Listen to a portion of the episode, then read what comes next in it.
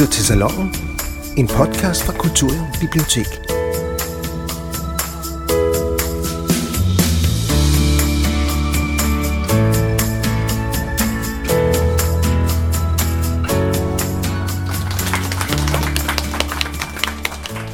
Tak for invitationen. Ja, hej Lone. Hej. Hej, du er lige kommet hjem fra Grækenland. Ja, Ja, ja. ja, ja var det godt? Det var, det var altid. Øh, jeg var nede for at undervise faktisk. Ja. Øh, øh, men øh, det er jo ikke sådan, man kan sådan rejse væk fra corona, når man, øh, når man rejser til udlandet. Der var masker og øh, handsker og sprit øh, alle steder.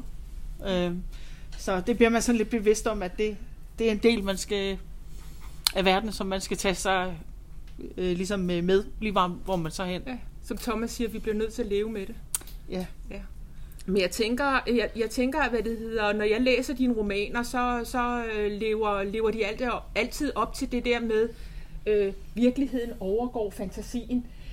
Fordi rigtig mange af dine romaner øh, tager udgangspunkt i, i virkeligheden. Og det kunne jeg også godt tænke mig at snakke lidt om. Men Lone, hvad det, øh, vil du fortælle lidt om dig selv? Hvem er du? Ja, altså jeg er 49 år, jeg fylder øh, 50 næste år. Det bliver nok ikke den fest, jeg havde tænkt på. Men øh, jeg er uddannet journalist, jeg er vokset op i Vestjylland, øh, Holstebro, nærmere betegnet. Og øh, jeg vidste faktisk, da jeg var helt ung, at jeg gerne ville være forfatter, da jeg var barn. Øh, og så tror jeg sådan, at mine forældre de styrede mig sådan lidt mere i en praktisk retning og sagde, at hvis du gerne vil leve af at skrive, så er det måske en god idé at blive journalist. Øh, og det blev jeg så. Øh, jeg søgte ind på Journalisthøjskolen og tog en uddannelse som journalist. Og så var jeg simpelthen så heldig, at jeg fik et job i London som det allerførste, da jeg kom ud af skolen. Øh, det var helt uhørt. Det var også et lidt mærkeligt job. Det var et job på Berlingske Tidene, hvor jeg skulle skrive om erhvervsstof. øh, men det var super.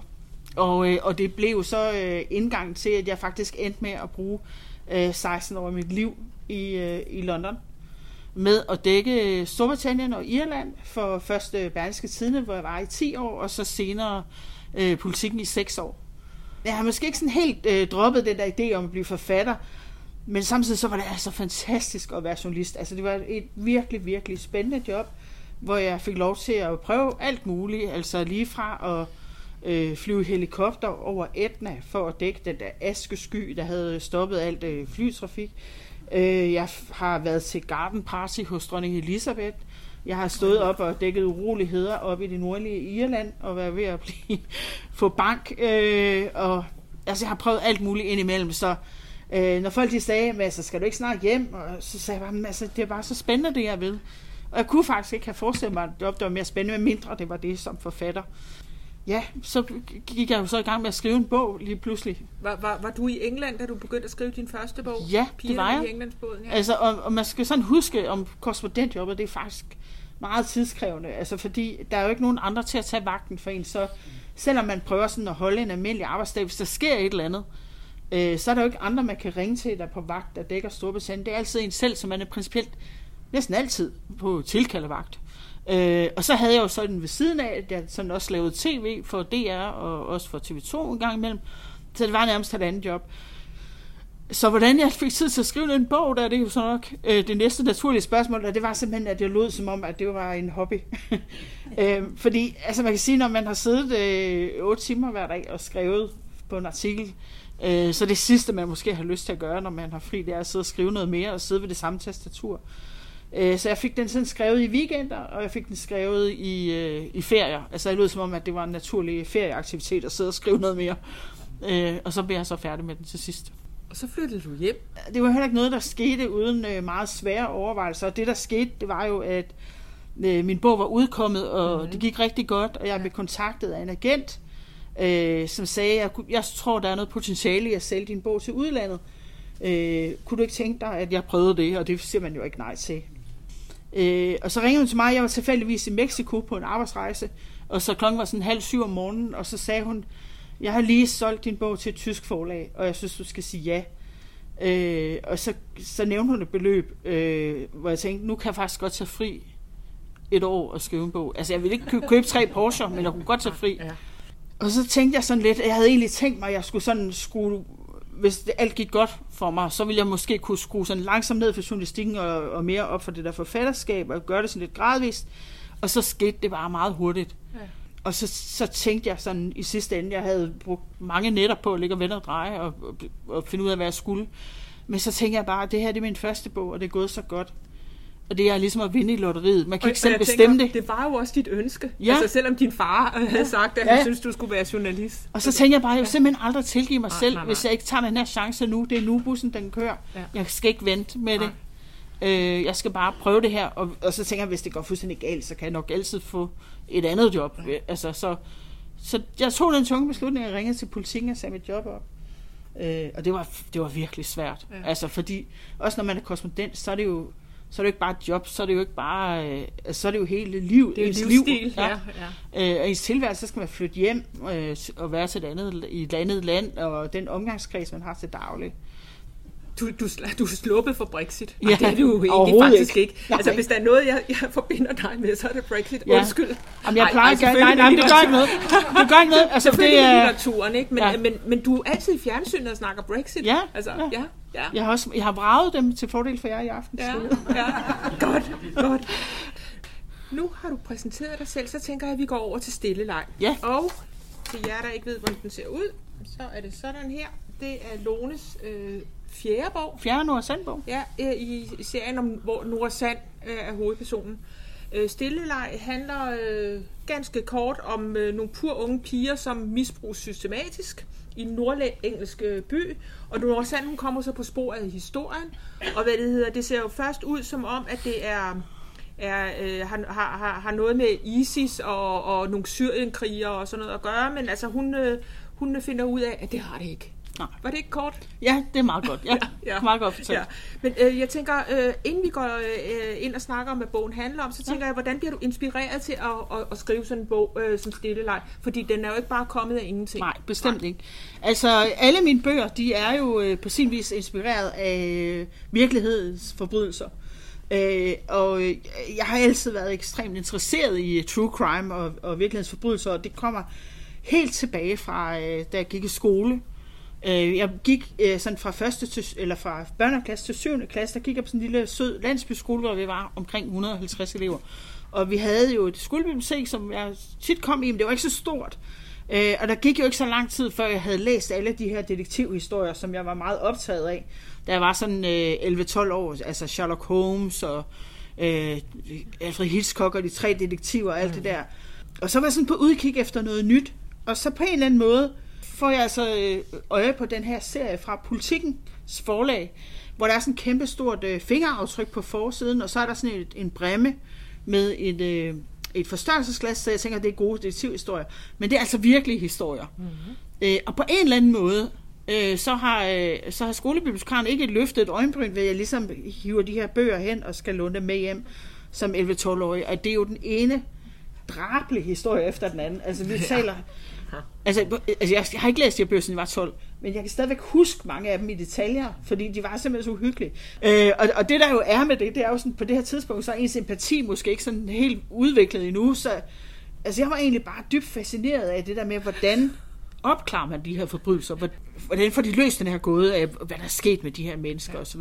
Og det tror jeg, det har hængt ved. Altså jeg er da heldigvis, håber jeg har fået udviklet noget empati siden. Men det gør jo, at øh, altså, jeg har bare den her fascination af virkelighedens forbrydelser, og jeg læser rigtig meget. Det er typisk, når jeg sidder med en avis, eller sidder og kigger på dokumentar, jeg har lyst til at se, så er det true crime, jeg vælger tit, øh, eller ser først, eller læser først. Øhm, og så er der altså nogle historier, der gør større indtryk på mig mm. end andre. Øh, Typisk så begynder jeg at identificere mig med offeret, og tænke, hvordan, hvordan kunne det være, at du kom til det her sted i dit liv, at du mødte den her drabsmand? Hvordan, hvordan må det sket? Altså, jeg, er meget, jeg har altid været meget mere interesseret i det der med det psykologiske i, i det. Altså, hvorfor er den her situation opstået? Hvordan, hvordan er vi her nu? Altså, jeg synes ikke, det er så interessant, hvor lang en kniv er, eller øh, hvad for en øh, kaliber pistolen havde, som folk blev skudt af. Jeg vil hellere vide, hvorfor. Øh, hvis jeg lige må Ja. ja. indskyde noget, det er faktisk noget af det, som jeg holder aller, aller mest af af dine øh, bøger, det er, hedder, de er grumme, Ja, som egentlig Pedersen, men du udpensler aldrig. Nej. Altså, det er, hvad det hedder igen, det der med, at det hele foregår inde i ens eget hoved, hvor man forestiller, og det er jo Ja. ja. altid det mest uhyggelige. det er det nemlig. Ja, ja. Det er det nemlig. Jeg, jeg kan huske, for noget tid siden, så så jeg sådan en uh, Steven Spielberg-film om nogle uh, drenge, der mente at have op, opdaget et uhyre inde i en uh, jungle. Og øh, man så aldrig det her uhyre, man så bare de der planter, der bevægede sig. Det var simpelthen så hyggeligt. Ja. Og så tænker jeg, det er altså en god måde at formidle på, fordi jeg kan sagtens arbejde selv og være meget mere skræmt over noget, jeg egentlig ser. Altså det er jo det, vi frygter. Det er jo ikke det, vi ser, der, der, der aktiverer vores fantasi. Ikke? Inspirationen til stilleleg, øh, for at vende tilbage til den, den er jo, øh, den er jo forfærdelig. Det er den. Og gyselig og drabelig, og hvad det hedder. Vi tror, vi er sådan i, øh, i, i en lille engelsk by, sådan, jeg kom til at tænke på sådan noget Twin Peaks. Ja. Altså, med, at, at, man er et sted, hvor alting er lutter i dyl, og vi hygger os, og hvad det hedder, det går godt, og borgmesteren står og vinker med sin guldkæde. Ja. og så er det jo bundrådent. Ja. Simpelthen. Og det er jo, øh, det er jo inspireret af virkelige øh, begivenheder oppe i en lille by, øh, der hedder Rotherham, som jeg har besøgt som korrespondent. Det er jo sådan en af de der gamle industribyer, som engang havde øh, masser af fabrikker og virksomheder, som nu øh, er sådan lidt til rotterne, og de, der er ikke så mange nye arbejdspladser, og øh, produktionen er for længst øh, flyttet til Asien eller andre steder hen. Øh, men man har stadigvæk store grupper af folk, der fortrinsvis øh, kommer fra Pakistan, som i sin tid var over for, for det her arbejde. Og man kan sige, nu er vi sådan på anden eller tredje generation, men øh, stadigvæk så har man altså en meget, meget stærk følelse af, at den pakistanske kultur, det er den, man viderefører. Øhm, og det, der jo så sker, det er, at man øh, har et kvindesyn i de her grupper, øh, i hvert fald øh, overvejende, som er meget konservativt. Altså kvinder skal være tildækket, de skal opføre sig anstændigt, øh, og hvis de ikke gør det, så er de nogle luder. Sådan er det. Og, øh, og det skal man så sammenholde med øh, britiske teenager, som går i lovkort, som begynder at drikke, når de er 13-14 år. Mm. Og det clash, øh, det har skabt en utrolig forfærdelig øh, mulighed, fordi øh, i Rotherham og andre engelske byer, Rotherham var bestemt ikke den eneste by, så begyndte man altså at se en mulighed for, i de her øh, grupper af mænd, for at udnytte engelsk, øh, engelske piger, øh, unge piger, som ofte ikke var gamle nok til at forstå, hvad de var ved at blive draget ind i.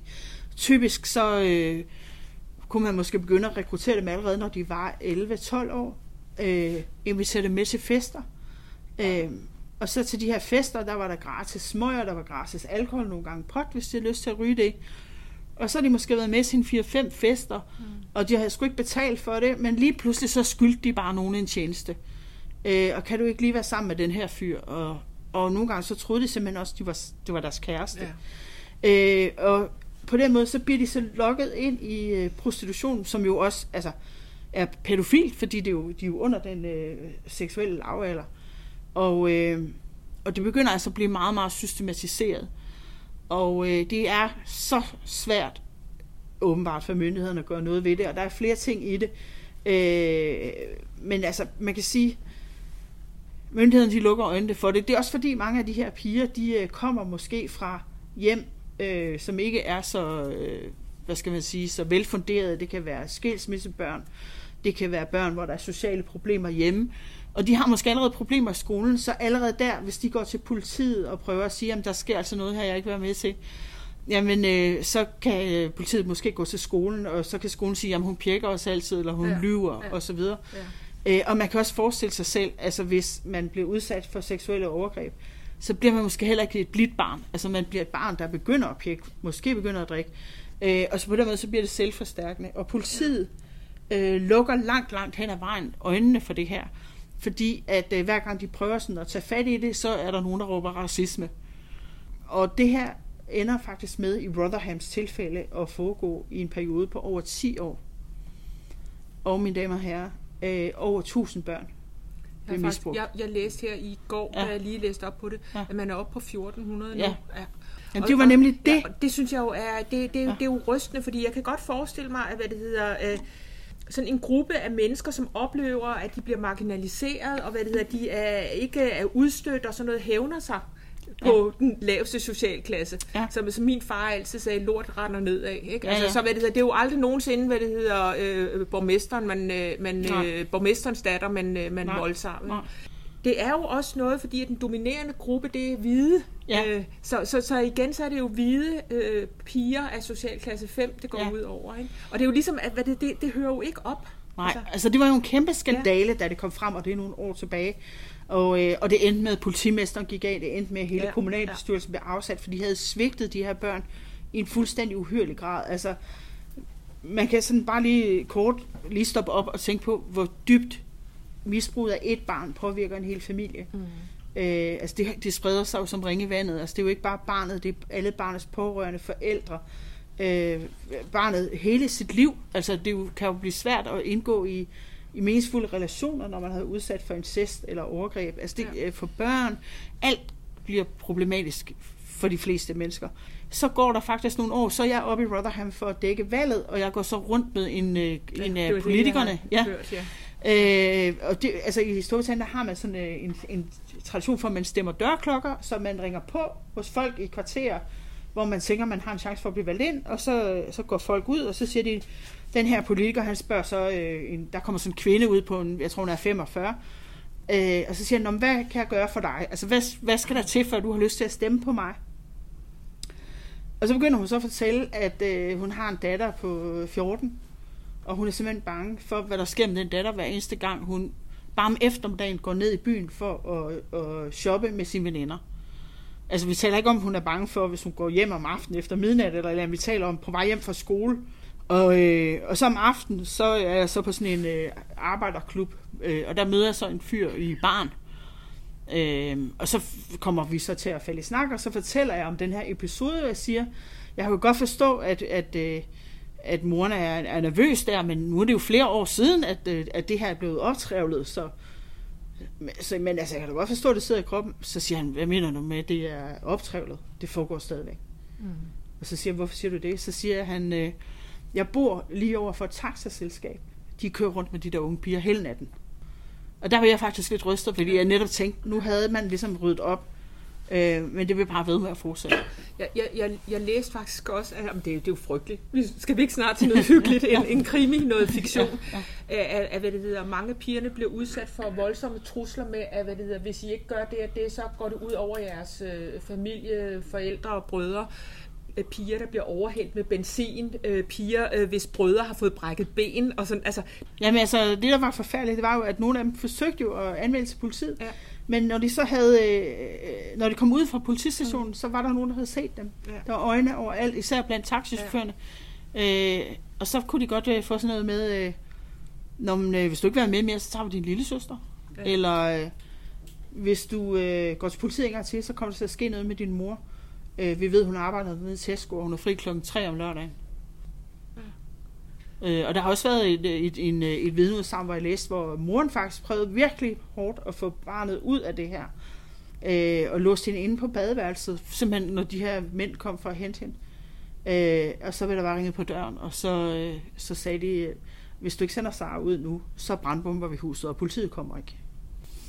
Og det hedder, altså, bogen hedder jo også stilleleg, fordi ja. der er på en eller anden måde, så har man lavet en eller anden overenskomst med, at man holder mund om det ja. her. Ikke? Og pigerne er selv lidt ude om det, de ja. opsøger det selv. Ikke? Ja. Men jeg ved ikke, skal... Det var det virkelig. Skal jeg, jeg, tænker, hvad det hedder, jeg kunne godt tænke mig, at du læser lidt op, ja. og så vi måske lige snakker lidt om handlingen i, i stilleleg, fordi den ligger jo lidt tættere, eller faktisk meget tættere op af, af det, det, vi lige har snakket om nu. Og så vil det, du måske fortæller mig lidt om, hvem er Nora Sand? Ja. Fordi det er jo fjerde del. Jeg vil sige, at den kan læses øh, uden nogen problemer. Øh, hvis I ikke har læst de andre, så kan I sagtens læse den. Men jeg vil da, jeg vil da sige, jeg synes at I skal læse den fra øh, alle sammen. Ja. Ja. Men, øh, du, du altså, jeg, øh, jeg har faktisk valgt et stykke her, som... Øh, altså, vi har den her politimand, han er blevet myrdet. Øh, og det er selvfølgelig en alvorlig sag, når en politimand er blevet myrdet. Og især når man har en mistanke om, det måske kan være nogle hjemvendte syriske der har gjort det og sådan noget. Men nu øh, er Nora ligesom taget op til den her by på, for, på at finde ud af, hvad det er. Øh, og der har hun så mødt en af de øh, sådan, gennemgående figurer, også, som er sådan en politimand, hun kender, der hedder Milhouse. Og de er så blevet enige om at gå hen og få noget mad øh, på en kebab-bar. Mm-hmm. Øh, og det er så der, Nora hun måske får den første idé om, at der er et eller andet, der er lidt forkert i den her by. De var halvvejs gennem måltidet, da en pige kom ind. Hun havde ikke noget overtøj på, kun en tætsiddende bordeaux sweatshirt og et par mørke, løse Adidas bukser af et skinnende materiale. Hun så ikke ud til at være en dag over 14. Og i løbet af de få sekunder stod det, og i løbet af få sekunder stod det klart, at hun var stærkt beruset. Hun dinglede rundt i butikken, og der stod en dunst af alkohol omkring hende. Nora tippede på, at pigen havde kigget for dybt i den flaske, hun holdt i den ene hånd. I første omgang så manden bag disken ikke pigen bag alle de andre, der stod og ventede på deres mad. Han pakkede durumruller ind i sølvpapir og hældte pomfritter op i små papæsker og fyldte dem i poser. Men efterhånden som folk trak væk fra den fulde pige, blev der plads omkring hende. Hun vaklede op mod disken. Ekspedienten så direkte på hende og blegnede. Laura, sagde han. Pigen væsede, og hendes ansigt var ophonet af tårer, snot og raseri, da hun vendte sig mod manden. De dumme svin, du slog Mel ihjel. Manden smilede undskyldende til kunderne. Mange rystede på hovedet og trak sig væk fra pigen. Beklager, jeg ved ikke, hvad hun snakker om. Laura havde nu kæmpet sig helt op til disken, hvor hun svejende støttede sig til glasmontren. Du er et forbandet svin, Omar. Det var din skyld, vislede hun. Jeg må bede dig om at gå. Du kan vel se, der er kunder her, sagde Omar. Laura knaldede flasken ned i disken, så den gik i stykker.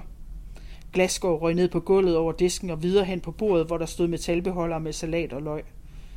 Så sank hun sammen og lod sig glide ned på gulvet, hvor tårer og snot fik frit løb.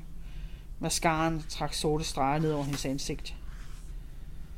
Omar stod med en mobiltelefon, og det var tydeligt, at han ringede til politiet. Så er den gal igen. Hun er her nu. Han lagde hurtigt på og forsøgte at holde på de kunder, der ikke var forsvundet ud af butikken, bange for at blive indblandet i ballade eller få glasskår i deres kebab. Undskyld, hvis I bare lige vil vente et par få minutter, så har vi kontrol over situationen. Vær venlig at komme tilbage om lidt, så alt væk, sagde han.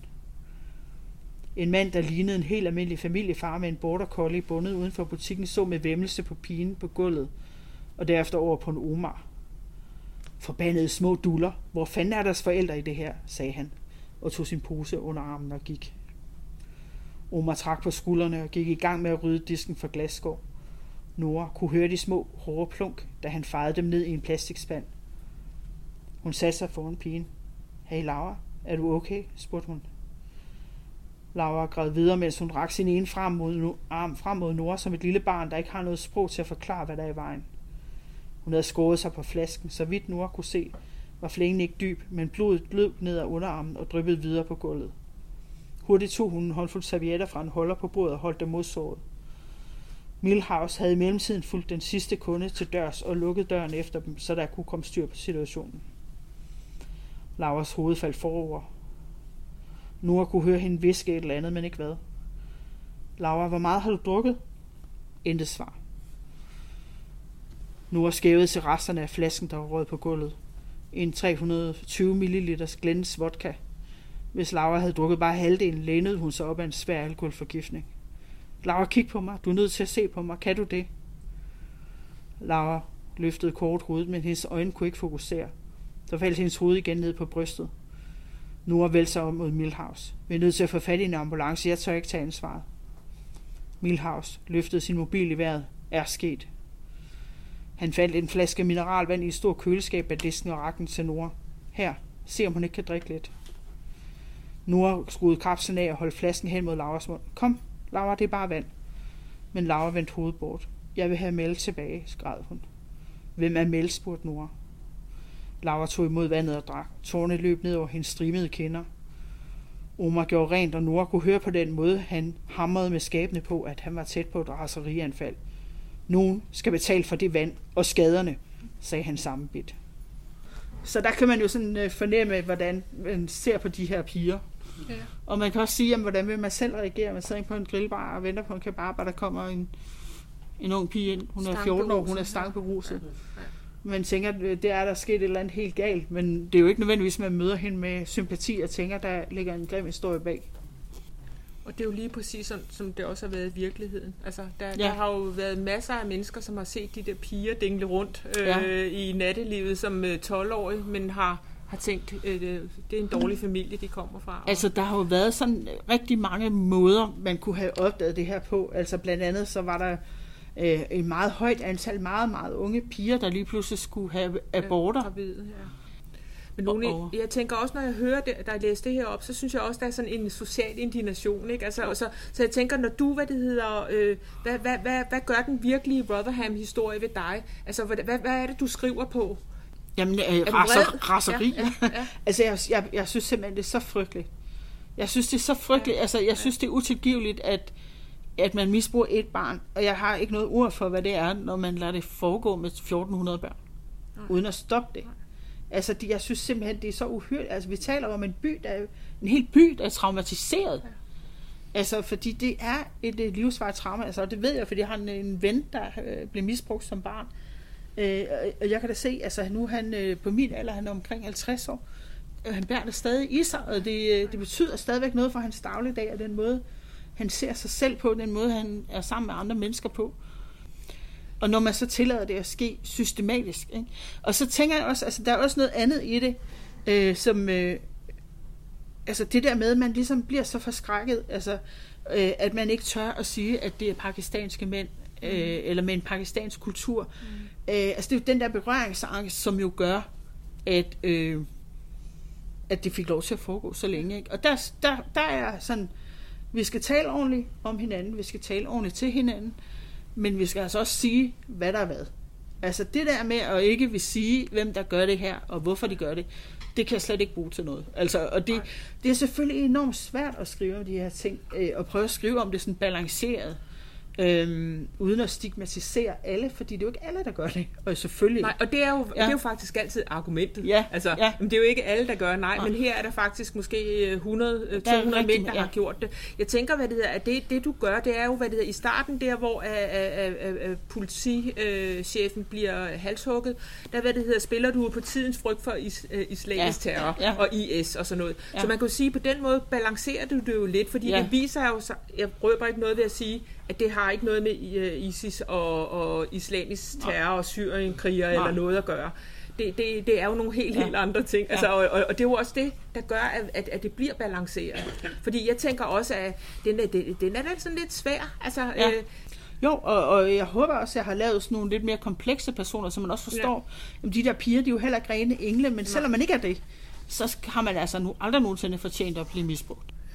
Du, nu, nu har du din hovedperson Nora. Jeg kan høre, at du er også lidt modig, Lone, du, når du kommer sådan et sted. Jeg tænker, at, Nora, er hun sådan lidt en lille smule dig? Ja, der, der er jo Ja, dele, ja, vi har til ja, fælles, kan ja. man sige. Altså selvfølgelig jobbet, øh, og det var sådan helt bevidst, jeg valgte en, øh, en hovedkarakter, som er London-korrespondent, fordi mm. det, det var vigtigt for mig. Jeg ville rigtig gerne skrive om Storbritannien, som jo er noget, jeg har dykket ned i og har stor viden om øh, gennem 16 år.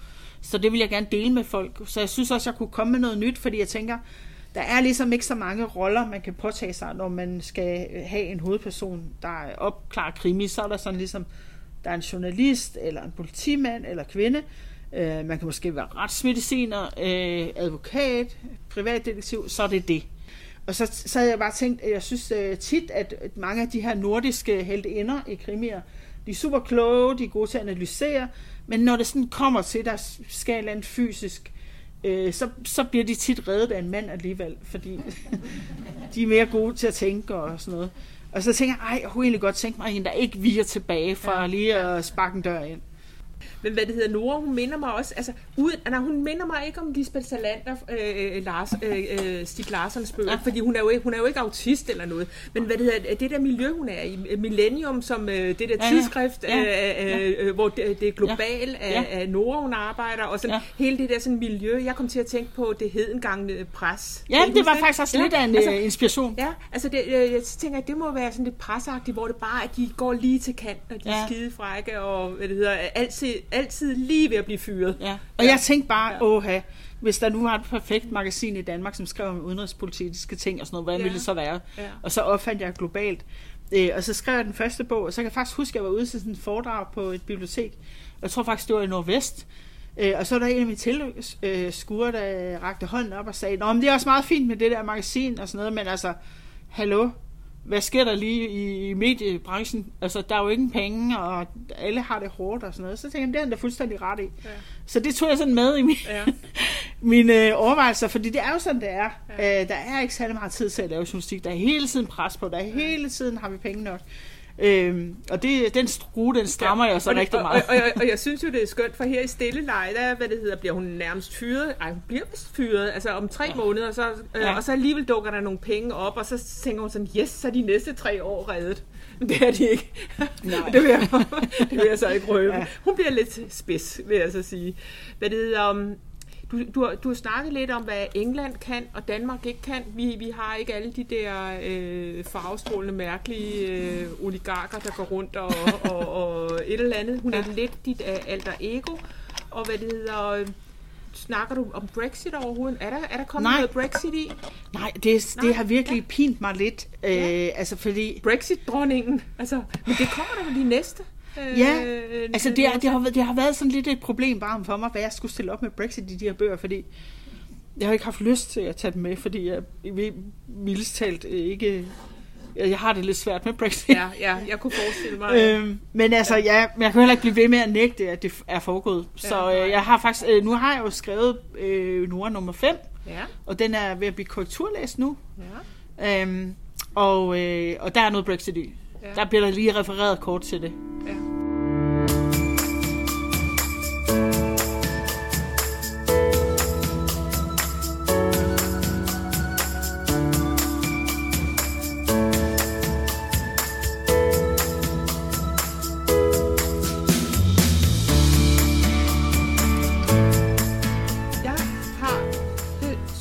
Sådan, at jeg er vild med true crime. Og jeg synes egentlig, det er øh, lidt forfærdeligt, for hvordan kan det være, at jeg synes, det er så dejligt at svælge i andre menneskers øh, død og elendighed? Thomas, han kø- indkøber øh, litteraturen, der står over i det, der hedder 3431. Det er der, hvor vi har, hvad det hedder, alle vores bøger med, med kriminalstof. Det er der, når øh, øh, ham der Sebastian øh, Richtelsen, tror ja. jeg nok han hedder, han, han har skrevet en bog sammen med, med, med, med en eller anden, øh, som ved en hel masse om, om, om, øh, om, om mor. Du, hvad det hedder... Øh, du, Jeg kender også sagen. du har vel, du har vel tænkt den, øh, på den der engelske pige, Madeleine, eller ja, hvad hedder den Maddie? hende, der, jeg dækkede sagen, øh, Ja. da jeg var i, øh, i Storbritannien som korrespondent. Jeg dækkede øh, hendes forsvinden. Ja. Øh, det gjorde også dybt indtryk Ja. på mig. Øh, Hvor, hvor, Lone, hvorfor, hvorfor, hvorfor, øh, hvad er det? Hvad er det for noget? Vi, øh, hvad er det for det? Hvad er det? Hvorfor sidder I og, og, og, og, og smiler for, og, og nikker igen? Hvad, hvad er Jamen, det ved øh, os mennesker, øh, øh, der gør, at vi... Øh, Jamen, altså, der er jo mange forskellige dele i det, synes jeg. Altså, der er jo noget almindeligt menneskeligt i at, øh, at øh, være glad for, at man selv har overlevet, og man ikke selv har oplevet det her forfærdelige. Det tror jeg, at der er et element af det i. Øh, men der er også et element i nys- af nysgerrighed, ikke? fordi vi, det er en ekstrem ting. Mm. Altså, vi er jo også interesseret i folk, der er ekstremt rige, eller ekstremt øh, heldige, eller, og nu altså også folk, der opfører sig ekstremt, og det er noget af det mest ekstreme, man kan gøre som et andet menneske, det er jo at tage et liv. Mm. Det er jo også derfor, det er et bud i Bibelen. Altså, øh, det er noget af det mest voldsomme, man kan gøre. Øh, og så tror jeg, at vi er interesseret i at forstå, hvordan kan det ske? Fordi der er jo rigtig mange mennesker, altså måder at tage et liv på, og mange grunde. Og, øh, og det er noget, jeg har dykket meget ned i, det der med, hvorfor slår vi ihjel, og hvorfor, øh, hvorfor er det spændende. Og jeg kan huske, at øh, på et tidspunkt så interviewede jeg Bens Især, som I sikkert også kender. Mm. Øh, og han sagde noget meget klogt til mig, som er, at for en, en hver morder, så giver drabet mening i det øjeblik, man, man foretager det. Altså i det øjeblik, man dræber et andet menneske, så giver det mening. Det kan godt være, at det ikke giver mening en kort tid efter, men lige i øjeblikket, så er der Altså, der er ikke noget, der hedder et meningsløst drab. Der er en mening med det, når man gør det. Og det synes jeg er det interessant, og det tror jeg også, at, øh, at det, er, øh, det er noget af det, der fascinerer os. Det er jo fordi, vi, vi, vi prøver at forstå det, der nogle gange er uforståeligt. Altså, hvad, hvad får folk til at slå ihjel, ihjel igen og igen? Jamen, det altså, de er jo i stand til at gøre det, fordi de ikke føler øh, den smerte, de påfører andre. De kan, ikke, de kan ikke have empati med det. Og så har de simpelthen et behov, som de vægter højere end noget andet selv. Lone, du har lavet sådan en podcast-serie af britisk, om britiske seriemordere, og Ja. nu må, må, må, må du så rette mig, men altså, jeg har hørt den på det, der hedder Mofibo, og det skal jeg selvfølgelig ikke sige, fordi det her er jo bibliotek, og det er en købeportal. Findes, det andre, øh, findes øh, Nej, den serie andre Det er steder? simpelthen Mofibo, der har Det er Mofibo, bestilt ja. den hos mig. Ja. Så det er sådan lidt, Ja. Ja. lidt øh, og igen, vi må ikke reklamere, men jeg Nej. bruger bare lige Netflix som eksempel, fordi Netflix er jo også en streamingtjeneste, som har masser af øh, bøger liggende, som, øh, som også ligger andre steder. Ja. Men så en gang imellem, så bestiller de sådan nogle originals, hvor de så Ja. ja. har Ja. ene rettighed. Og det er selvfølgelig i håb om at, at få nogle nye kunder i biksen. Fordi Ja. ja. de tænker, jeg vil høre det her, og Ja. ja. det kan jeg kun høre et sted.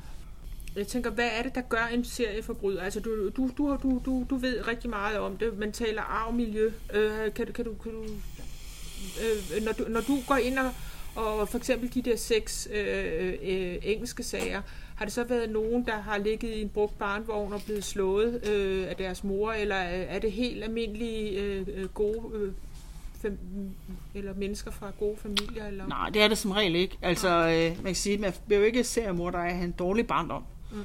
Men når man kigger på seriemordere, så er det de værste, der kommer fra, øh, fra harmoniske hjem. Øh, og der kan så være alle mulige forskellige måder at blive øh, øh, forstyrret på. Og øh, altså, der er ikke noget, der er ikke nogen facitliste, hvor man kan sige, det her det er arv, det her det er miljø. Altså det handler måske om begge dele, og det handler også om mulighed og impulskontrol og så videre. Men man kan for eksempel tage sådan et uh, Myra Hindley og Ian Brady, uh, som var et uh, par, som du talte om der mm-hmm. før med, med båndoptagelsen, som uh, kidnappede og voldtog børn og slog dem ihjel og gravede dem ned ude på The Moors, som er sådan en hede, der ligger oppe i, uh, i det nordlige England. Uh, og når man så kigger på Ian Bradys uh, barndom, så uh, sker der det, at hans mor får ham som meget ung, hun får ham uden for ægteskab, Øh, og det er jo altså på et tidspunkt, hvor det er meget stigmatiserende at være alene gravid. Og hendes familie udstøder hende, og hun har ikke nogen at gå til, og hun er altså nødt til at tjene nogle penge. Så, øh, og hun er servitrice, så hun, øh, hun efterlader simpelthen sin søn hjemme, altså på tre måneder, øh, i otte timer om dagen, hver dag. Så er han bare alene hjemme, fordi hun er nødt til at gå på arbejde, der er ikke nogen til at passe ham. Øh, og det gør jo måske, at man ikke har den der menneskelige kontakt og den der menneskelige øh, varme og fornemmelse af andre mennesker i en meget øh, tidlig øh, fase i ens liv, hvor man mm. er ved at, at lave sin personlighed. Og det var i hvert fald kendetegnende for Ian Brady. Han havde slet ikke nogen fornemmelse af andre menneskers behov eller følelser. Og han var ligeglad. Altså hans offer øh, øh, bad jo for deres liv, og øh, ved vi, fordi han optog øh, en af dem på bånd, og han var revnende ligeglad. Altså han var fuldstændig iskold. Øh, og han sagde en dag til hende og pigen, at når, hvis hun bare opførte sig ordentligt, så skulle hun nok komme med til sin mor. Øh, og det løj han omkring, og det vidste han allerede. Men, øh, så det er en. Øh, en anden er Fred og Rosemary West, øh, som øh, slog, øh, jeg tror det var op mod 17 ihjel. Blandt andet deres egen barn. Øh, de misbrugte alle deres børn seksuelt.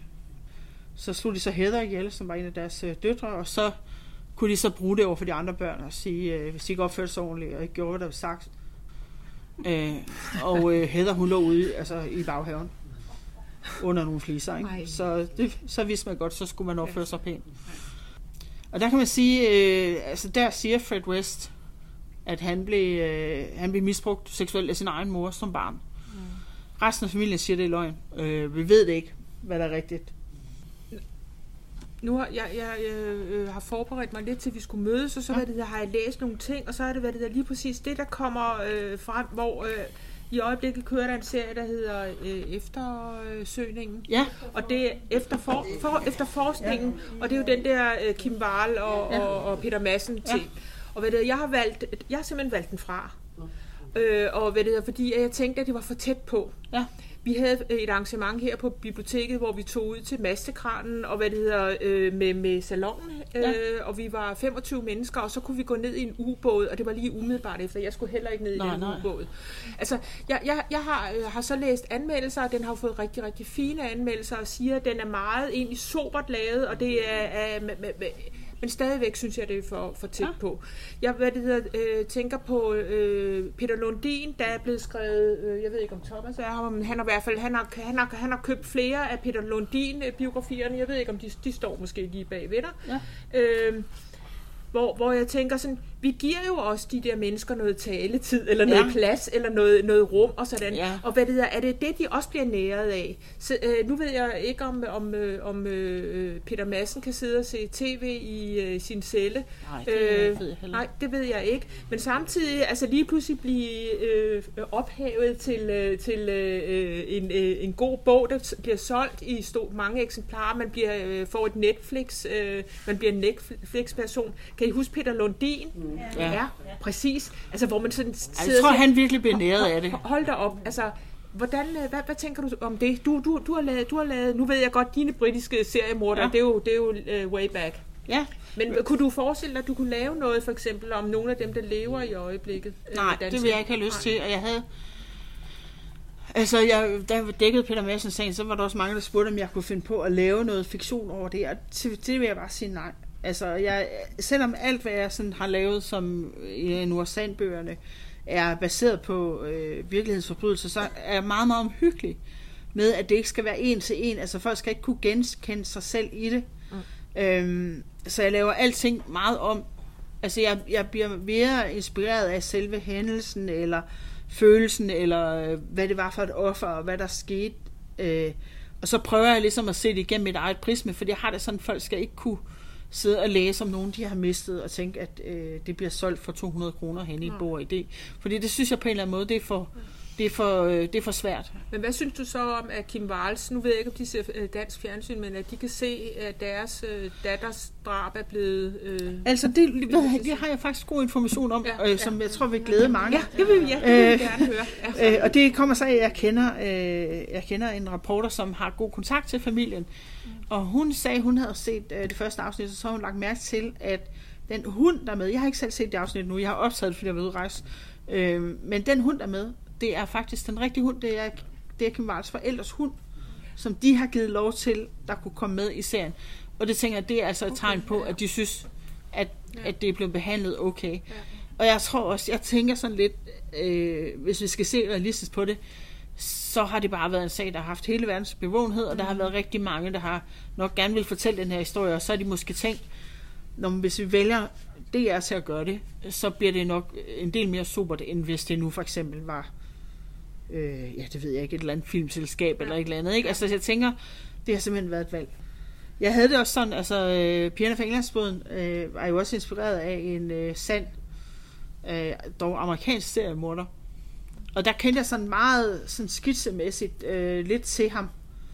Øh, og så, så skrev jeg faktisk min egen historie sådan helt bevidst, uden at slå ham op, eller øh, lære noget om hans liv, eller hvad han i øvrigt havde gjort, fordi jeg tænkte, jeg vil simpelthen heller ikke give ham reklame, og jeg vil ikke have, at han skal synes, det er en bog om ham. Øh, og det gjorde jeg så. Så først da jeg så havde bogen der udkommet, og jeg så skulle ud og holde foredrag, øh, så tænkte jeg, "Nå, så nu kan jeg godt kigge på, hvad det egentlig var, fordi det kunne det egentlig være interessant nok at se, hvad den virkelige historie var. Øh, og den virkelige historie var nærmest øh, 20 gange værre, end jeg havde forestillet mm. mig i, i, øh, i min fantasi. Ja. Igen et tegn på, at øh, virkeligheden overgår tit fantasien. Ja, Ikke? præcis. Øh, er der nogen af jer, der har et spørgsmål til, til Lone? Det kunne være True Crime, eller noget til Nordsand-serien, eller... Øh, Altså nu nåede jeg lige hvor mange gange, hvor lang tid hun kan være i vandet. Øh, her ved, er det 8 grader varmt? Ja. Øh, I, i, Altså jeg vil lige sige øh, til jer, at øh, altså nu har jeg lige fortalt det til jer, men altså, altså den næste Nordsand-bog, den udkommer her til februar, mm-hmm. kommer til at hedde De Usynlige. Øhm, og jeg kan også fortælle lidt om, at, øh, at den igen er drevet af indignation. Mm. Øh, og den handler om øh, meget, meget magtfulde mænd på toppen af det britiske samfund, som øh, for mange år siden øh, misbrugte børnehjemsbørn og slap afsted med det. Og det er en sag, som Nora, hun bliver rodet ind i.